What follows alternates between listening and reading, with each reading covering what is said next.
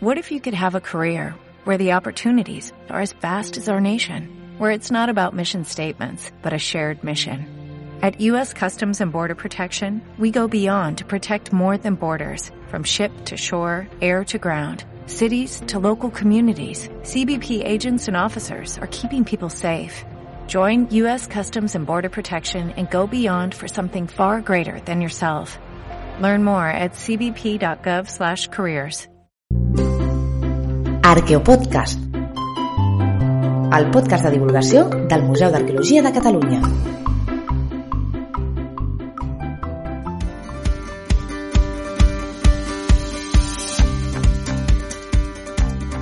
Benvinguts i benvingudes a Arqueopodcast, el podcast de divulgació del Museu d'Arqueologia de Catalunya. Aquest vol ser un espai obert a tothom, de qualsevol edat i nivell acadèmic.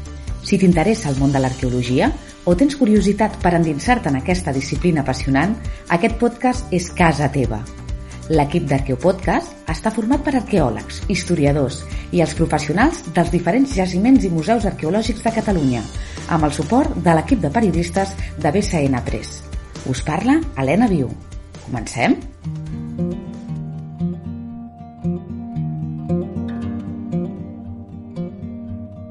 Olèrdola concentra, com pocs jaciments, vestigis de pobladors molt diversos.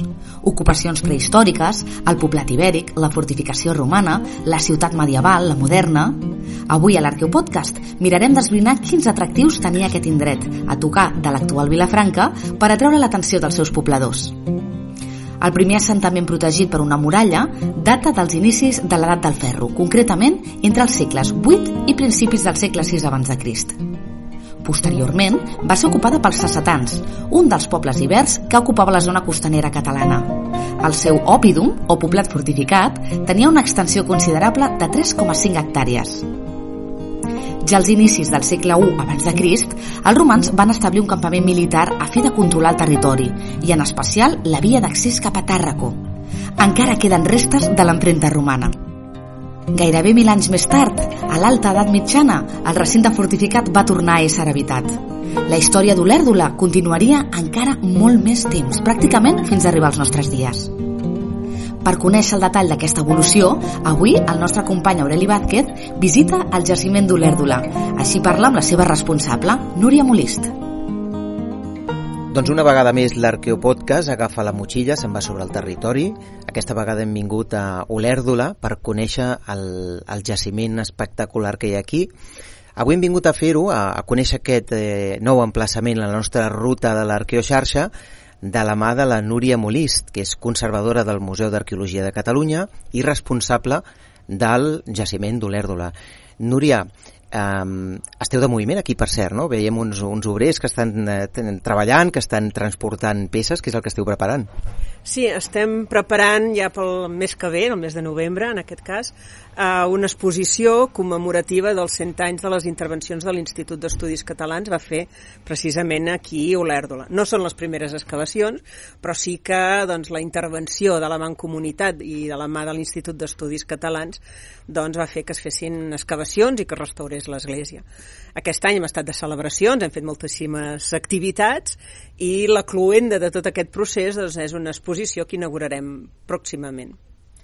Olèrdola, com tants emplaçaments, està en un lloc, la veritat que magnífic, preciós perquè a més a més les vistes són privilegiades i ara la Núria ens deia i si pugem una mica més encara més, no? després ja ho veiem um, una cosa característica d'Olèrdola és que concentra com pocs jaciments vestigis de, de pobladors molt, molt diferents no? ocupacions prehistòriques, el poblat ibèric fortificació romana, la ciutat medieval la parròquia moderna com s'explica aquest interès que al llarg del temps s'ha anat mantenint? Per què? És, és, és la ubicació del lloc? És un punt estratègic?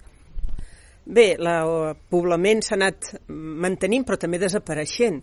Uh, hi ha un element clau que és la, la posició del lloc, això afavoreix que en determinades èpoques, en determinats moments, els patrons d'assentament convidin a la població a ubicar-se, posicionar-se en llocs elevats, de control. En canvi, en altres moments, com podria ser el nostre actual, el, el, aquest patró d'assentament és, més important, és més important el que són les vies de comunicació, està prop de les autopistes, de les carreteres, dels de, trens, si pot ser l'AVE millor. Per tant, doncs, en, en èpoques de pau, de, de relativa pau o de, de pau, doncs és molt millor estar a la plana, en llocs ben comunicats, amb, amb rius a prop, amb, amb ports a, por, a, por, a prop. No? Per tant, ha estat ocupada des de la prehistòria, com molt bé deies, però també hi ha tingut doncs, moments de que no ha estat ocupada. Eh? En aquest sentit de, depèn, de cada moment doncs, interessa estar controlant la situació des de dalt i altres doncs, interessa estar doncs, més a prop de vies de comunicació, ports, etc haurem de fer un esforç d'ubicació pels oients per anar fent els salts en el temps que correspongui, que tu ens vagis guiant, però per començar per ordre, els primers pobladors documentats, podríem parlar de, de fa 4.000 anys aproximadament? En quin moment? Eh, o, o del 4.000 abans de Cris? Quina seria l'època exacta? Sí, estaríem parlant de 4.000, però des del moment actual, és a dir, 2.000 abans de Cris. Aquests primers, primers pobladors que tenim documentats eh, són el moment que nosaltres en diem calculític, és just abans de l'edat del bronze, a l'inici de l'època dels metalls, de l'edat dels metalls, i, bueno, sí, els has enumerat molt bé tots aquests eh, diferents períodes complexes i que també és una complexitat afegida haver-la d'explicar al, al públic que ens visita, perquè no és anar a veure, anar a visitar una vila romana o un castell medieval o un poblat ibèric aquí no és només salts en el temps, sinó que també salts en les restes. Ara veiem una església romànica i al costat tenim una cisterna d'època romana i al costat una tintoreria d'època ibèrica. No? Vull dir que és un esforç eh, doble o, o triple o quadriple pel propi visitant. També fem visites especialitzades. I bueno, avui només explicarem lo medieval, avui només explicarem els romans, perquè així ens doncs sigui una mica més portable, diguem. Sí, perquè al final la gent ve a passar el cap de setmana en família o venen a escoles a aprendre, però clar, no podem inocular la història al cervell de les persones, no? Escolta'm, estem a uns 350 metres aproximadament? Sí, sí, 362, el punt més alt del castell, sí. Abans parlaves de que estàvem en un eh, lloc elevat, estem a uns 350, 360 aproximadament metres sobre el nivell del mar. Aquí, al segle VIII, abans de Cris, hi havia una muralla. De què es protegien aquests pobladors mm, amb aquesta muralla? De què o de qui? Sí, aquesta muralla és la primera que tenim documentada, després en vindran d'altres, però potser caldria matitzar que no era pròpiament per defensar-se, això és el que pensem nosaltres, no hi érem, eh? Uh, és una muralla que recull la població que viu a dins, amb cabanes en aquest moment encara, i que sobretot també recull el ramat, eh? una espècie que avui encara tenim una paraula, que és la pleta, que fa aquesta funció. Pròpiament des de fora devia ser un poblat emmurallat, però segurament no és per defensar-se d'atacs enemics, que no ho tenim tan documentat en aquest moment, sinó doncs, d'espai clos per animals i per persones és una manera, d'alguna manera, de donar, de delimitar, de donar cohesió a la població i suposo que, bueno, no sobra mai pels temps de guerra una muralla, no?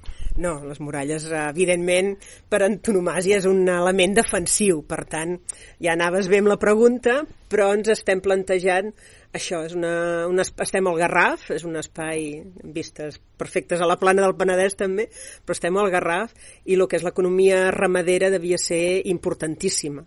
Ho hem constatat també en les fases posteriors. No? Per tant, aquest eh, lloc d'agrupació de, de bestiar eh, es constata pràcticament també fins a època moderna amb altres pletes que hi ha en turons propers. Sí que és veritat que aquesta muralla l'aprofitarien eh, els íbers posteriorment eh, per la construcció del, del seu òpidum. Um, Aturem-nos un moment en aquests pobladors per conèixer-los millor. Hem parlat moltes vegades en aquest podcast dels íbers, però per, per refrescar la memòria dels nostres oients o els que s'incorporin casualment a aquest, a aquest podcast a través d'aquest episodi que estem gravant avui a Olèrdula, no? D'on procedien i de quina època estem parlant, els íbers que, que van viure aquí? Bé, abans parlàvem de l'inici de l'edat del ferro, la primera edat del ferro. Els ibers representarien la segona edat del ferro, en el que doncs, aquests primers contactes que ja es tenen amb fenicis i grecs a l'inici eh, es consoliden i s'incrementen. Eh, els ibers és una civilització, una cultura, la primera a la península, que té, per exemple, escriptura que tecnològicament té uns, abans, uns avenços importantíssims gràcies a la metal·lúrgia del ferro i tot el que comporta des de millor armament, però sobretot també millors eines d'explotació, per exemple, del camp, vol dir més productivitat. Són els descobridors dels molins rotatius, per moldre la farina. Això és un avanç també tecnològic molt important. Nosaltres anem a comprar la farina al súper, no ens costa tant, però de moldre agenollats i amb l'esquena corbada a moure's assentats i sense haver de fer molta força, doncs realment és, una, és un gran avanç tecnològic. Això sumat doncs, en totes aquestes contactes amb pobles de l'altre costat del Mediterrani que porten també és un intercanvi d'avenços, de, de tecnologia, d'estils arquitectònics i finalment una característica del món ibèric també és el desenvolupament d'una estructura territorial i social ja molt jerarquitzada, amb, des de grans ciutats com per exemple Ullestret, a poblats com el d'Olèrdol, que serien la segona línia del front, fins a acabar amb petits masos. I aquí hi ha una gran varietat doncs, de, de categories socials i de categories també eh, dins, dins l'urbanisme, no? de categories urbanes deixem que faci un comentari i pregunta d'ignorant, no? De, perquè els que no som ni historiadors ni arqueòlegs moltes vegades sembla que quan mirem enrere la història tot s'acabi amb els romans o amb els grecs, no? Quan realment la cultura ibera, com tu dius, era molt rica, hi havia molts avenços, has parlat de tecnologia, has parlat de llengua que també hi ha per cert a l'exposició que s'està fent al, en el Museu d'Arqueologia de Catalunya a Montjuïc, podran veure tot el, els visitants tot, tota aquella gran exposició sobre la llengua, no? Però, però no, no teniu els arqueòlegs aquesta sensació que els ibers són els grans desconeguts reconegut d'alguna manera? Sí, eh? de fet l'exposició que tenim al Museu d'Arqueologia de Barcelona era, és una reivindicació més. Es van començar a reivindicar fa quasi 25 anys darrere amb una gran exposició que va fer la Caixa, que es deia Els Ibers Prínceps d'Occident, i això, quasi bé 25 anys després, és tornar a posar sobre la taula aquests íbers que doncs, val la pena conèixer perquè, tot i que van ser doncs, aniquilats o absorbits, millor, no aniquilats tampoc és la paraula, absorbits pels romans, sí que doncs, ens deixen encara moltes petges i moltes traces. No?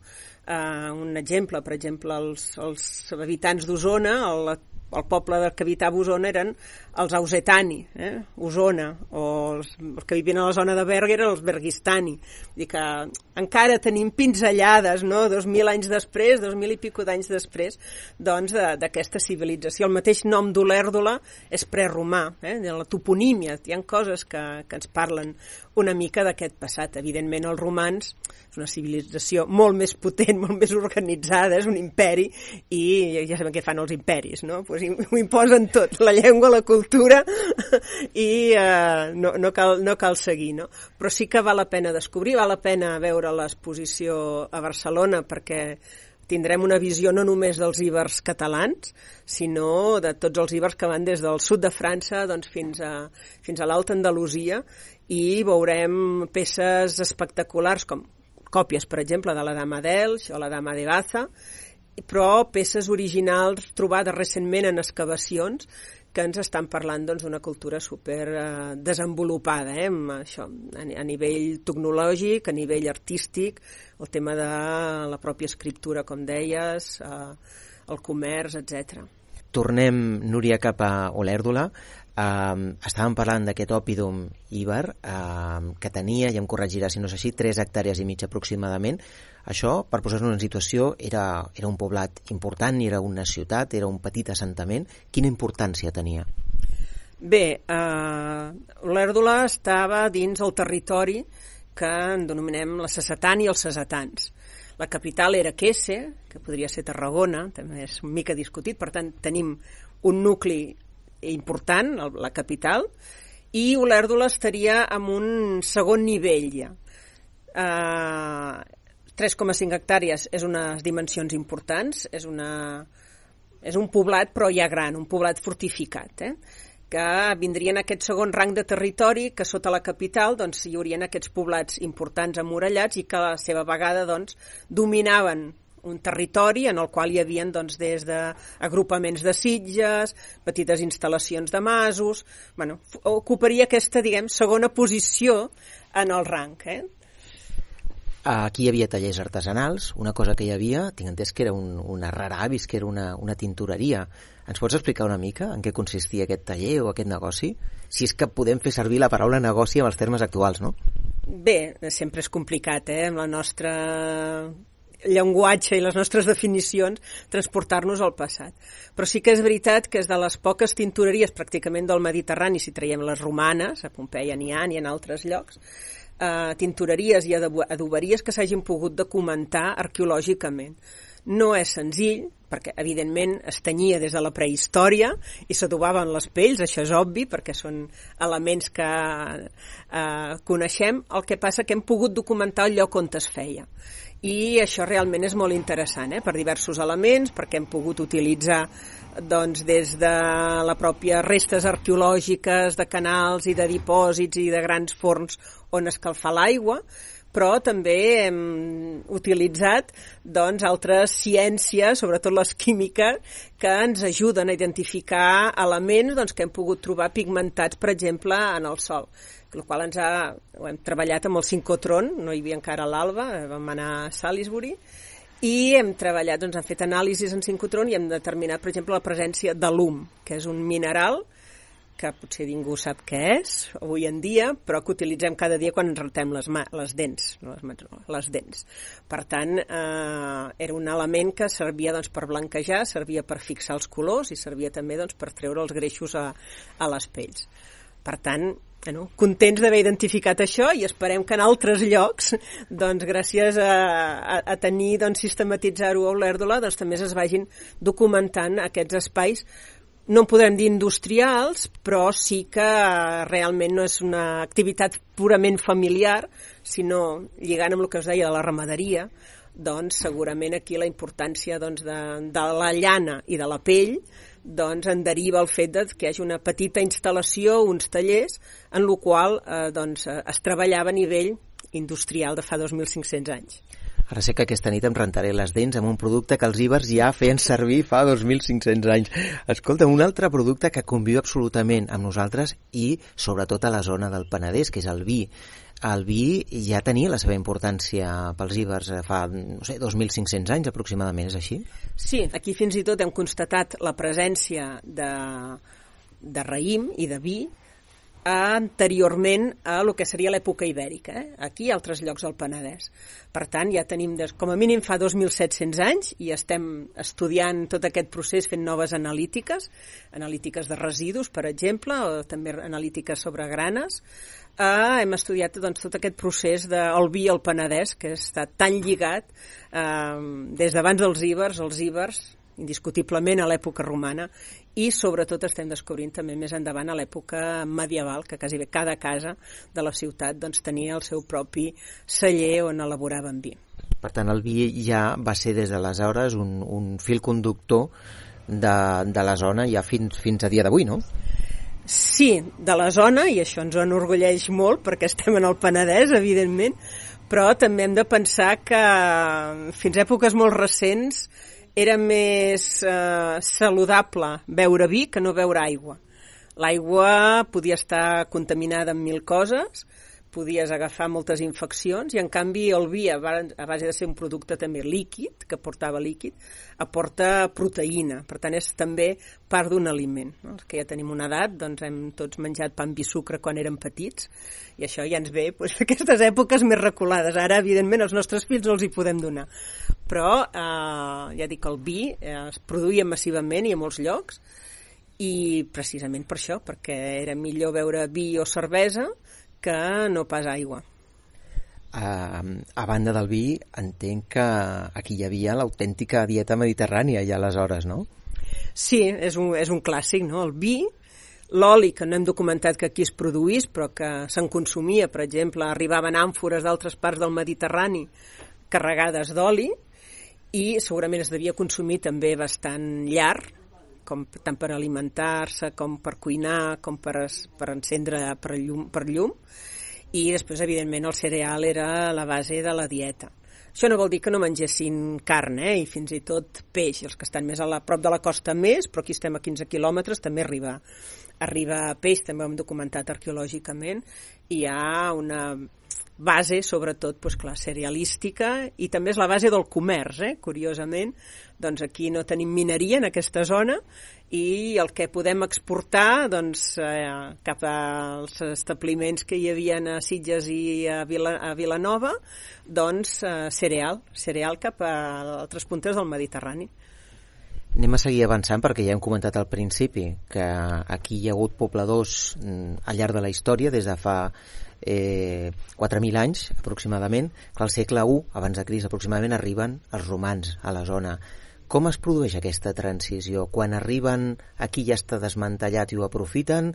Hi ha una intervenció, diguéssim, bèl·lica, una imposició? És una mena de convivència? Com és aquesta transició? Uf, es pot resumir tan, tan...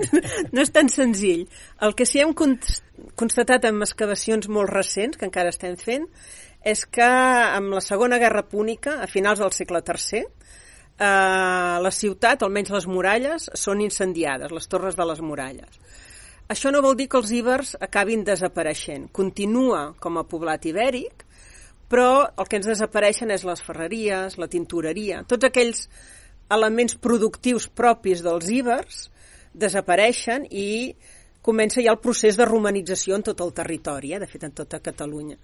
Aquest procés es tradueix en què els íbers els posen a conrear els camps i a conrear cereals per alimentar els soldats que estan conquistant la península i deixen de tenir mitjans propis de producció. Un resum així una mica genèric. Això durant el segle II. A principis del segle I abans de Jesucrist ens trobem aquí una magnífica fortificació. No sabem fins a quin punt encara quedava algun íber per aquí visquent en aquest antic poblat.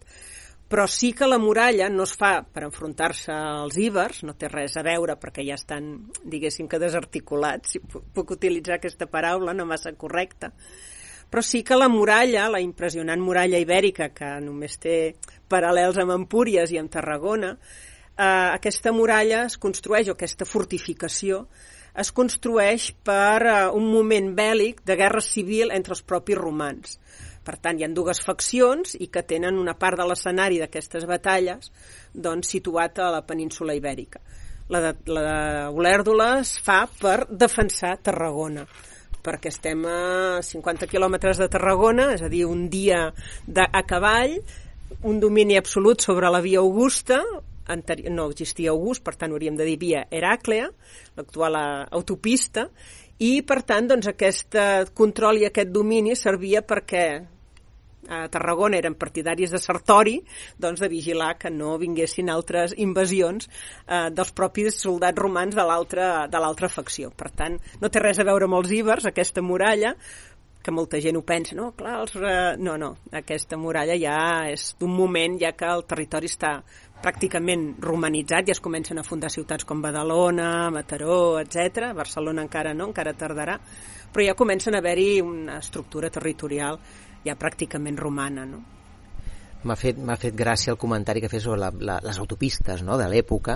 En el fons, l'esquema és el mateix, amb finalitats diferents, evidentment, i amb, la, i amb velocitats diferents, perquè ara és mitja hora o una hora, ja no estem parlant d'un dia a cavall, però al final és un lloc que és, és estratègic per, per la seva ubicació geogràfica, no? I, i, i això ens ajuda a entendre una mica perquè sempre ha estat un lloc eh, poblat, no?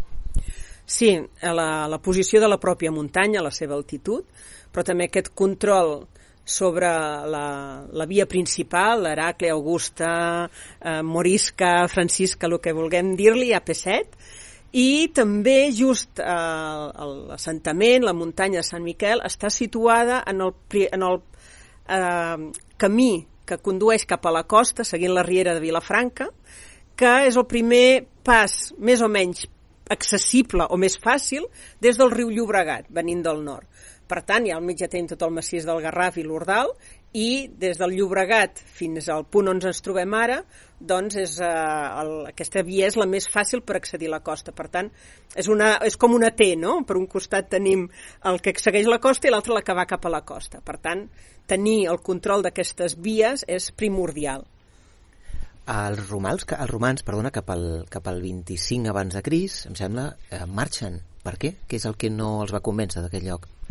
Uh, la seva funció, com us deia abans, pues, uh, ja no era necessari.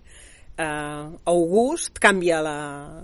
Roma canvia, passa de ser una república, passa a ser un imperi, August es proclama emperador i finalment doncs, també extén la pau d'August, entrarà en un període de pau i ja no és necessari tenir fortificacions ni soldats o legionaris eh, desperdigats pel territori amb llocs elevats i mal comunicats, sinó que el que aquell lloc doncs, queda obsolet perquè la funció per la qual va ser creada per controlar precisament doncs, aquestes, aquestes vies doncs, i tota la península ja està conquerida, per tant és un lloc que entra en desús absolutament pràctics els romans, oi? Sí, sí, sí, fan aquí una gran infraestructura, hem parlat de la muralla, però hi ha una cisterna immensa, eh, hi ha les pedreres en què es va construir la muralla, hi ha una torre al punt més alt, que després s'aprofita en època medieval, una sèrie de construccions romanes potents, potents, però mm, ja no són útils, vull dir, van durar 75 anys i fora. Aquest lloc, Olèrdula, pel que, pel que vas explicant, eh, és un lloc eh, molt especial, molt útil també per, per aprendre història, no? perquè és el resum de la nostra història dels últims 3 o 4 mil anys. Sí, tenim elements de, de totes les èpoques, Uh, fins i tot tenim pintures rupestres, no estan dins el conjunt, però estan al, al costat i es veuen des d'aquí, per tant, doncs, que són patrimoni de la humanitat, i per tant doncs és un, això com tu dius, és purament un, un compendi de la història potser el coneixem la més recent no? romans, l'època medieval és més fàcil d'explicar i d'entendre perquè també hi ha moltes pel·lícules i sèries i això, i doncs és com molt més proper però sí, evidentment doncs serveix i jo m'agrada explicar també, com fem les visites, doncs que el comportament humà no canvia tant. Potser canvien les formes de construir, eh, canvien eh, la tecnologia, canvien les ceràmiques que utilitzem, utilitzaven per dinar o per coure, però en canvi les enveges, el poder, eh, tot això continua, jo crec que absolutament present en l'espècie humana i per tant no hem canviat, diria que ni gens ni mica, no? Uh, quan marxen els romans, uh, Olèrdola es converteix, sé que l'expressió segurament no és la més encertada científicament, però una mena de forat negre en el temps no en sabem gaire, potser no hi ha població, no hi ha indicis o vestigis de que aquí hi hagués un mínim d'activitat. Què passa durant aquests vuit segles aproximadament?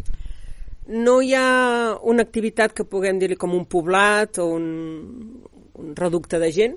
Primer, en època romana, els establiments estan a la plana, són ciutats i són viles, i són masos. Una estructura molt determinada la producció agrària en aquesta zona i, per tant, no té sentit viure aquí dalt. Ara, trobem ceràmica de, de tots aquests segles, aquests 800 eh, anys, més o menys, trobem ceràmica, trobem alguna moneda, el que ens està parlant bàsicament és una freqüentació, potser de pastors, eh, moments d'incertesa social, petits conflictes que n'hi ha i a partir del segle III que s'aguditzen, doncs hi ha una bueno, aquesta paraula freqüentació, no? que de tant en tant puguin arribar a venir aquí. Hi ha unes muralles que es conserven fins i tot avui en dia, doncs imaginem, doncs, no sé, eh, 1.500 anys enrere, no? doncs encara eren segurament molt més potents. Això canvia lleugerament amb, cap al segle X XI no? amb el comtat de Barcelona. Tinc entès que Olèrdola fa la seva funció en l'expansió d'aquest comtat, oi? Sí, però hem de pensar... Al segle IX ja hi viu gent, quan tot aquest territori és al nord de la frontera de l'Àndalus, el xarc a l'Àndalus. Viuen cristians, això no és rar, vull dir, és la majoria de població, la poca que devia viure en, en aquests territoris molt de, de frontera i una mica terra de ningú, era bàsicament la població que ja venia dels hispano-romans, però eh, en canvi sí que comença a jugar un paper molt important a partir de l'expansió del comtat de Barcelona cap al sud, amb l'objectiu de conquerir Tarragona, que era la seu episcopal per antonomàcia de, de, la, de la part superior de la península, i per tant amb aquest interès va tardar quasi bé 100 anys en arribar a Tarragona, i a mig camí tenim Olèrdola, i Olèrdola es va esdevenir una, una ciutat medieval importantíssima per organitzar, per un costat, per organitzar tot aquest territori que es va conquerint el món islàmic. Hm? Es va conquerint, el, el, en aquest cas, el califat de Còrdoba. No? I eh, esdevé una ciutat, però no és una ciutat qualsevol, o és la segona ciutat del comtat de Barcelona, té més rellevància si que pensem que només n'hi havia dues, per tant, una era Barcelona, òbviament, l'altra era Sí, però era Barcelona i Olèrdola. Bar Barcelona i Olèrdola. Uh, amb un terme castral, un terme de, del castell increïble, de 200 quilòmetres quadrats, i amb, amb una població que no ens atrevim mai els arqueòlegs a dir quan, però amb una població important també. Barcelona podia arribar a tenir 3, entre 3.000 i 4.000 habitants entre els segles X i XI, imagineu-vos, Olèrdola devia ser una mica menys, però estem documentant doncs, tota aquesta eh, urbanisme que doncs, podem anar a través de les excavacions, de la lectura de les restes, doncs estem veient que hi ha alguna més que l'església i Concastella, sinó que aquí doncs, hi ha una població que viu dins de les muralles, d'aquestes antigues muralles, però viu en barris fora muralla i en barris densament poblats. Per tant, eh, a molts anys eh, podrem veure una ciutat molt important i sobretot conèixer com vivien, com eren les cases en aquest moment de l'alta edat mitjana.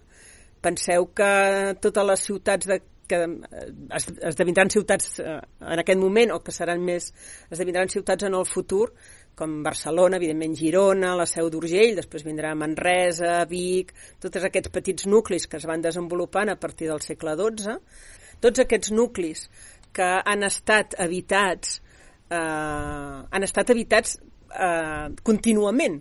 Per tant, a Barcelona es fan excavacions, trobem un trosset d'una casa, un trosset d'una eh, de la muralla, igual a les altres ciutats que, que he enumerat, però aquí és l'únic lloc que no hi ha aquesta pervivència, no? Això bueno, pels arqueòlegs és fantàstic. És com una Empúries, salvant totes les distàncies, perquè... Eh, aquí, aquí no hi ha mar, són. aquí no hi ha mar.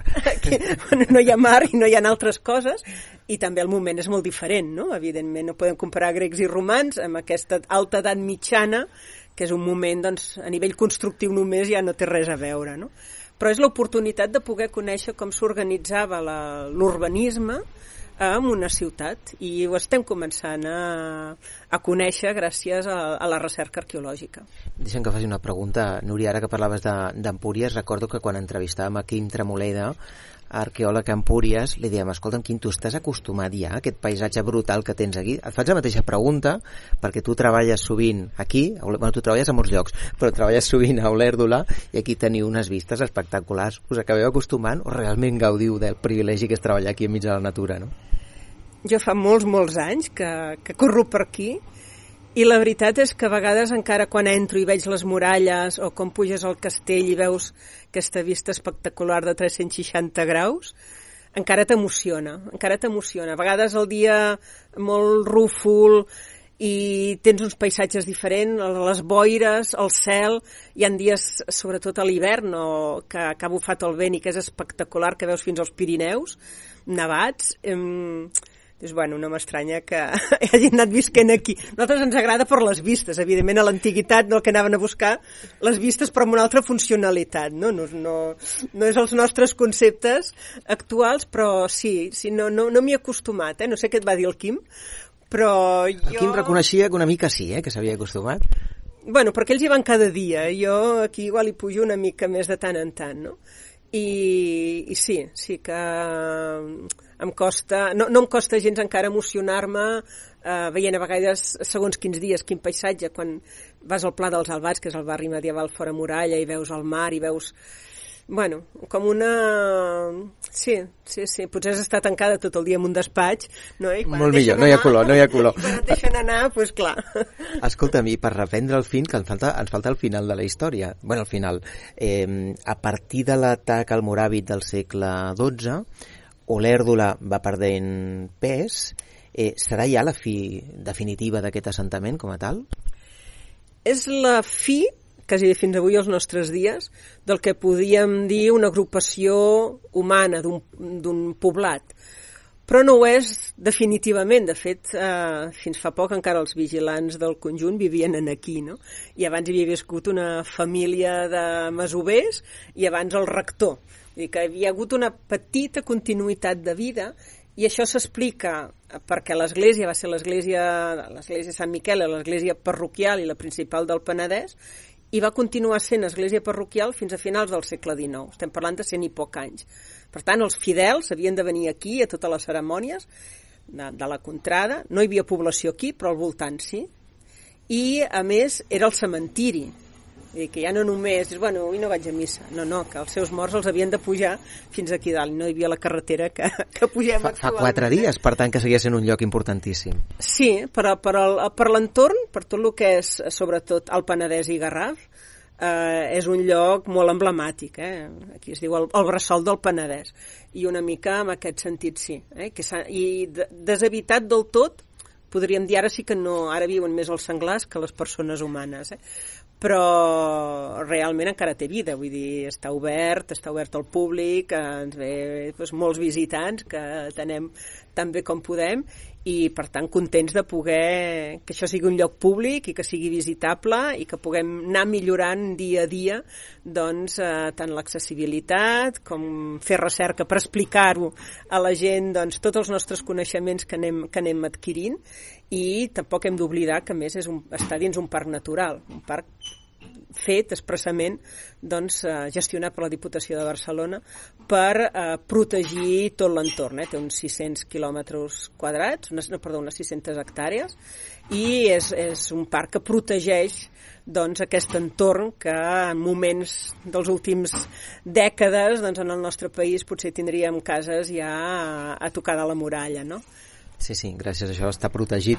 Escolta'm, recomana'ns un, una manera de fer una visita aquí. Si volem venir, jo què sé, en cap de setmana, ja no parlo de les escoles que al final planifiquen amb vosaltres, però per fer una visita eh, amb amics, amb parella, amb família, què, què, què ens recomanes? Quin, quina activitat, itinerari? És una cosa que es pugui conèixer tot en un dia? Ens recomanes diferents sessions eh, enfocades d'alguna manera? Depèn dels interessos. Si li agrada a una persona doncs, fer una visita per ell mateixos, està ple de senyalització, avui tenim codis QR que es poden descarregar doncs, a cada un dels plafons amb diferents visites, per exemple, vols fer la ruta del vi dels cellers medievals, doncs hi ha una senyalització específica, una de més general, tenim diverses possibilitats, audioguies, per tant, un la pot fer tranquil·lament per ell mateix, però sempre, si un vol aprofundir una mica més i fer menys esforç, diguem, és eh, acollir-se alguna de les visites que fem al llarg de tot l'any, pràcticament tots els caps de setmana, bé organitzades per l'Ajuntament d'Olèrdola, bé organitzades per la Diputació i organitzades per nosaltres, que són la majoria, i aquí tenim doncs, diversitat de propostes, des de propostes més com els anellaments dels ocells, eh? abans he dit que era un parc, a conèixer les plantes a través de Guisla la Remeiera, doncs a l'època medieval que, per què serveix cada una de les plantes. Tenim aquí una, tenim aquí moltíssimes orquídies. A l'època de les orquídies també fem visites. Fem visites específiques, aquest any perquè és el centenari de les excavacions de l'Institut, doncs també fem visites específiques amb un aspecte doncs, ja pràcticament modern, no? com ha canviat el jaciment. Just d'aquí pocs dies, farà 50 anys, que es va inaugurar i visita públic, i es va obrir al públic el recinte. Per tant, tenim mil excuses, i a part de, de, de visites molt específiques, eh, com us dic, de l'època romana, de fem una visita sobre les dones medievals, tenim moltíssima documentació medieval, està basada una de les dones més riques que vivien aquí a finals del segle X, per tant, jo el que recomano és que, depèn dels interessos de cadascú, es miri el calendari i triï. A banda d'això, hi ha moltes activitats familiars, i també a l'estiu doncs, fem vespres, per exemple, vespres d'estiu, que amb un programa molt variat, des de acabem observant els, els estels i comencem a estar, a, observant la posta de sol, no? Per tant, concerts i projeccions, etc. Per tant, penso que oferim un, en, en diverses institucions, això és Museu d'Arqueologia Generalitat, però treballem també molt bé en el territori. No, no, ja veig que la carta és completíssima. Qui no vingui és perquè realment no li ve gens de gust conèixer el seu passat, la seva història, el seu patrimoni. Moltíssimes gràcies, eh, Núria, per, per aquesta conversa animadíssima, per la teva passió amb tot el que expliques. Eh, vindrem, vindrem segur. Jo tinc pendent visita familiar, per tant m'apunto també. Moltíssimes gràcies. Gràcies a tu.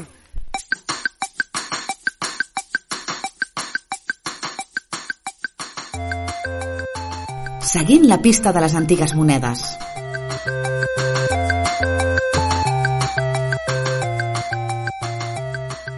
Núria, aquí a Olèrdola s'han trobat prop de 30 monedes ibèriques. D'entrada això podria ser un indici de relació comercial i transaccional? Què ens diuen aquestes monedes? Ui, aquesta és una pregunta molt des de l'òptica actual, eh? Uh, en època ibèrica sí que tenim bastantes monedes, pel poc que s'ha excavat, realment, el jaciment no està molt excavat, però les monedes en aquest moment, fa 2.100 anys, 2.200 anys, quan, sobretot 2.200 anys, quan es comença a generalitzar, evidentment no, però que comença a córrer alguna moneda, les primeres són les d'Empúries, les dracmes empuritanes, i mica en mica amb aquests contextos bèl·lics doncs es va eh, encunyant moneda, primer en Púries i després en els diferents pobles ibers, però això ja quasi bé en procés de romanització també, eh? dir que ja estem al final del món ibèric. En cap cas la moneda l'hem d'entendre com l'entenem nosaltres com un element de, de comerç. Bueno, ara quasi bé ja també són residuals, no? ara treballem amb targetes, en targetes magnètiques i visums i altres històries. No, en aquest moment és el moment que s'introdueix la moneda, eh? estaríem parlant doncs això des del context de la Segona Guerra Púnica a finals del segle III.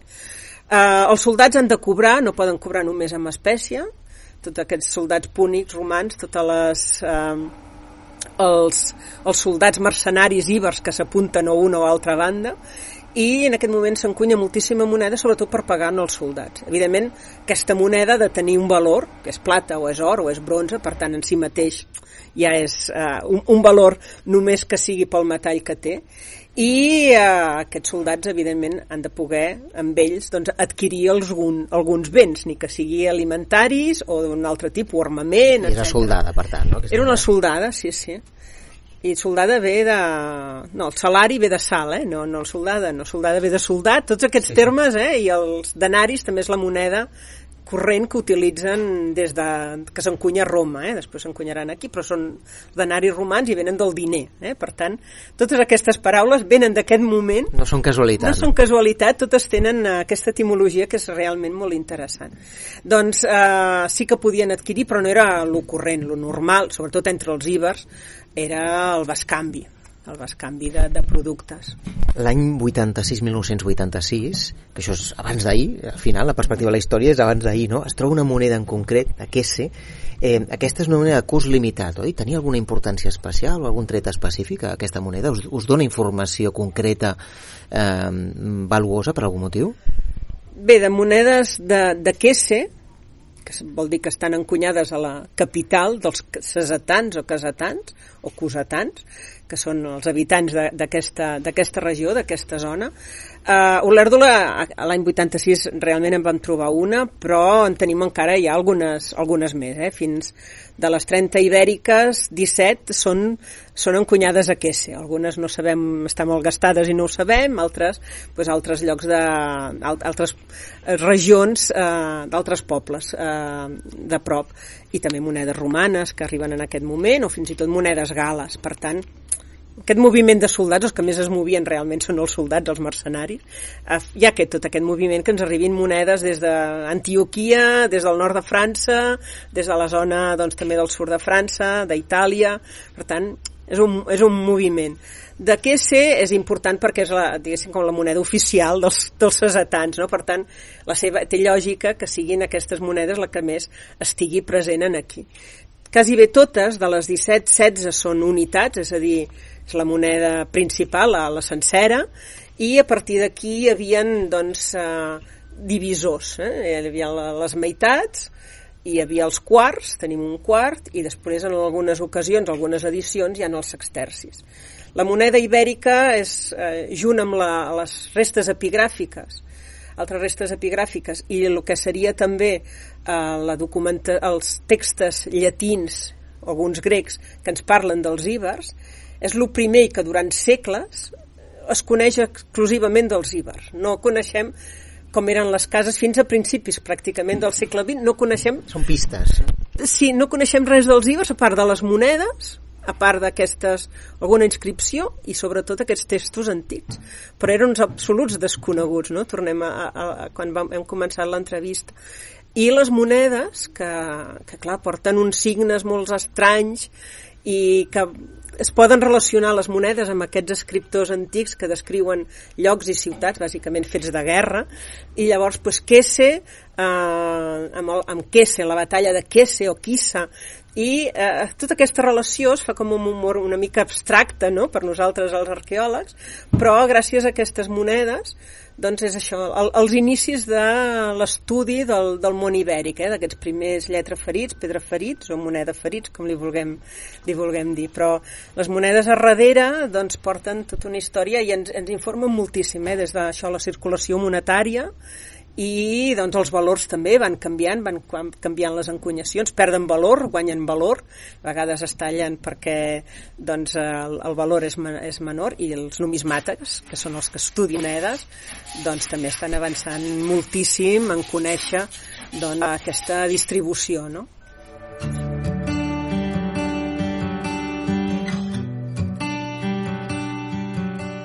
El personatge, Gisla la Ramallera.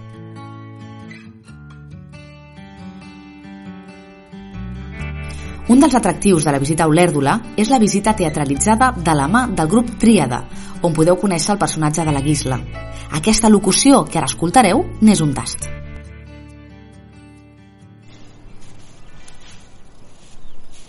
Hola, sóc la Guisla, la ramallera de la Quiritas Olèrdola, o el que és el mateix, el que vosaltres coneixeu com Olèrdola. Escolteu, ara em disposava a fer un tom pel bosc d'aquí al voltant per buscar quatre herbes que necessito. Si m'acompanyeu, us explicaré la meva història i la d'aquest lloc. Vaig néixer cap a l'any 1040 i sóc una ramallera. Visc a la ciutat fortificada, sota el nostre senyor Mir Jaribert, que es fa anomenar príncep d'Olèrdola. Aquesta és una terra de frontera, una terra de marca establerta pels reis francs i ja fa molts anys, amb els comtats cristians d'antics pobladors hispans i gots al nord i sud, on hi vivien els andalusins. A Olèrdola tothom em coneix per la meva saviesa a l'hora de tractar malalties, uns coneixements que vaig heretar de la meva mare i de la meva àvia. Ja de ben petita les acompanyava a collir tota classe de plantes, fruits i arrels. Quan a casa algú queia malalt, era la mare o l'àvia les que preparaven el remei més indicat. Mireu, Coneixeu el llentiscle? N'hi ha molt per aquí. El fem servir molt per la gent que ha perdut la gana. Amb els seus fruits negres ben madurs, fem un tint pels cabells i oli pel llum. Ah, i si teniu polls, cal que us poseu el suc de les arrels bullides. Així us marxaran. Des de sempre, jo i els meus avantpassats hem utilitzat les plantes que recol·lectem de la natura per guarir-nos. Sabeu, la vida al segle XI és bastant dura. Els nostres fills neixen a casa, sobre un jaç de palla, i tot i que els cossos són resistents, quan hi ha una època de sequera o mala collita o una guerra, la mala alimentació fa que malalties com ara refredats, grips o infeccions causin moltes morts. Quan això passa, tothom em demana remei per a fer suor els refredats, pels esglais i per fer orina els hi dono borratge, infusionada amb vi, eh, dels diferents cellers del poble. O els caps florits de la farigola pels constipats. I ja ho sabeu, si alguna vegada us trobeu malament, només heu de preguntar per mi, la Guisla, la ramallera d'Olèrdola,